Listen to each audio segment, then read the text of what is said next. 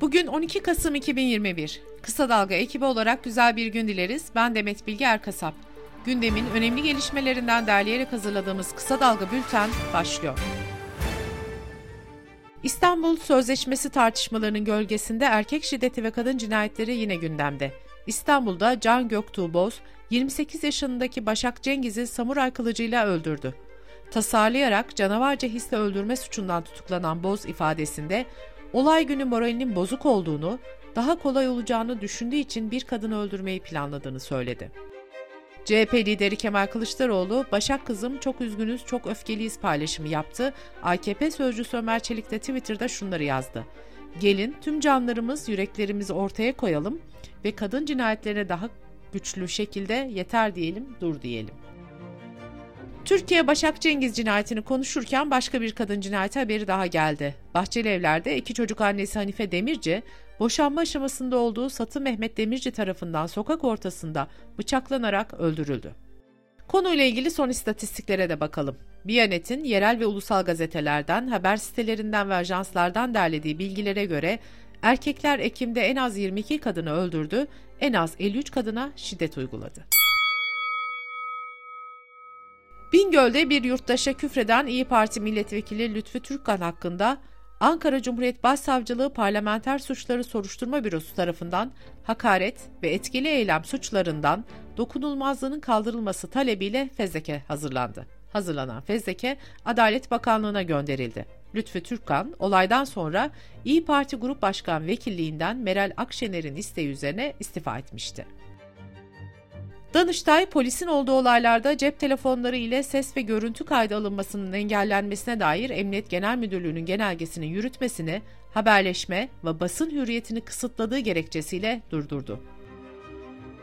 İyi Parti'nin kayıp silahların araştırılması talebiyle meclise verdiği önerge AKP ve MHP oylarıyla reddedildi. CHP grubu adına konuşan İzmir Milletvekili Murat Bakan, kafamızda soru işaretleri var bir orduyu artı bir Tugay'ı donatabilecek miktarda silahtan bahsediyoruz. Bu silahlar nerede? Mesela Sadat'a verilmiş olabilir mi dedi. Cezaevinde bulunan eski HDP eş genel başkanı Selahattin Demirtaş'ın eşi Başak Demirtaş'a gerçeğe aykırı sağlık raporu aldığı iddiasıyla 2018 yılında açılan davada 2,5 yıl hapis cezası verildi. Demirtaş'ın avukatları yaptıkları yazılı açıklamada Demirtaş'ın 2015 yılında geçirdiği operasyonlar sonrası öğretmen olduğu okula sunmak için rapor aldığını ancak rapor tarihinin sağlık kurumu tarafından hatalı yazıldığını belirtti. Avukatlar kararın Başak Demirtaş'ın gündeme geldiği ve hedef alındığı bugünlerde çıkması tesadüf değildir ifadelerini kullandı. Boğaziçi Üniversitesi'ndeki protestolara katıldıkları gerekçesiyle tutuklanan Berke Gök ve Pelit Özen'in Metris cezaevinde 35 gündür tek kişilik hücrelerde kaldığı belirtildi.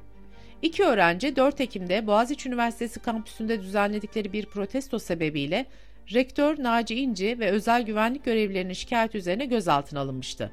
Tutuklanan öğrenciler kamu görevlisine görevini yaptırmamak için direnmek, toplantı ve gösteri yürüyüşleri kanununa muhalefet etmek ve kamu malına zarar vermekle suçlanıyor.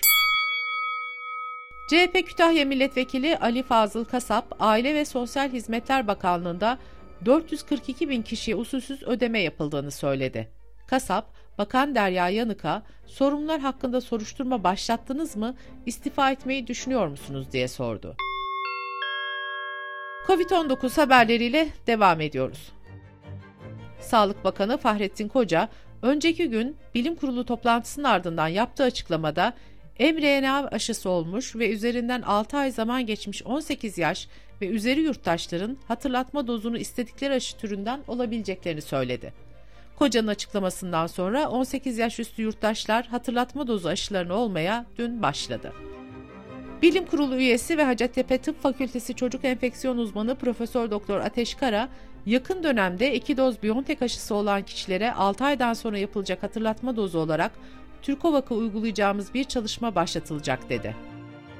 Dünya Sağlık Örgütü'nün haftalık raporunda Avrupa'da COVID-19 kaynaklı can kayıplarının bir hafta öncekine göre %10, vaka sayılarının ise %7 arttığı belirtildi. Sırada ekonomi haberleri var. Amerika Birleşik Devletleri'nde beklentilerin oldukça üzerinde açıklanan enflasyon verileri küresel piyasalarda etkili olurken Türk lirası dolar karşısında değer kaybetti. Dün sabah dolar TL kuru 9.98'e dayanarak tarihi zirveye ulaştı. Euro TL ise 11.45 civarında işlem gördü. Türk Lirası Merkez Bankası'nın son iki ayda 300 bas puan faiz indirimi yapması nedeniyle bir süredir değer kaybediyor.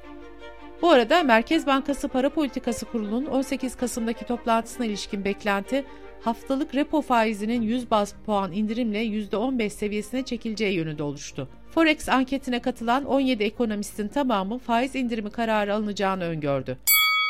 HDP milletvekili Garo Paylan, Meclis Plan ve Bütçe Komisyonu'nda 26 Ekim'de Cumhurbaşkanı Yardımcısı Fuat Oktay'a emeklilikte yaşa takılanlarla ilgili çalışmaların ne durumda olduğunu sordu. Paylan'ın sorusuna yaklaşık bir hafta sonra yazılı yanıt veren Oktay, yaş şartı koşulu yerine gelmeden emekli olunamayacağını ifade etti.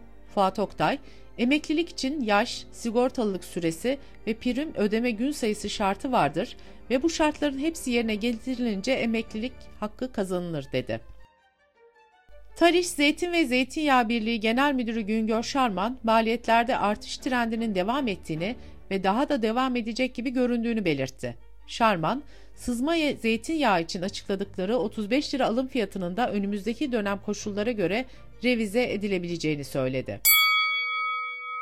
Çiftçilere verilecek gübre ve sertifikalı tohum destekleri ürün çeşidine göre belirlenerek resmi gazetede yayınlandı. Buna göre 2021 yılında mazot ve gübre desteği de dahil olmak üzere buğday, arpa, çavdar, yulaf, tritikale için dekar başına 42 TL destek verilecek. Dış politika ve dünyadan gelişmelerle devam ediyoruz. Polonya, Belarus sınırında bekleyen binlerce sığınmacı ile ilgili gerginlik sürerken Avrupa Birliği Komisyonu'nun gizli ibareli kurum içi belgesinde kaçakçılık çetelerinin işleyişiyle ilgili ayrıntılar ortaya çıktı.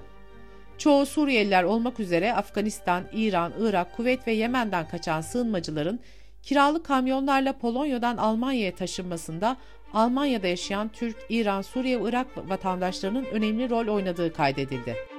Belgede Polonya sınırında bekleyen sığınmacıların ana hedefinin Almanya ve Finlandiya'ya varmak olduğuna yer verildi. Belarus Hava Yolları şirketinin Türk Hava Yolları ile işbirliği içinde haftada 4 ila 7 uçuş düzenleyerek her uçuşta 180'er göçmeni İstanbul'dan Minsk'e taşıdığı öne sürüldü. Bu iddia Alman basınında daha önce de gündeme getirilmiş, TYS iddiaları yalanlamıştı.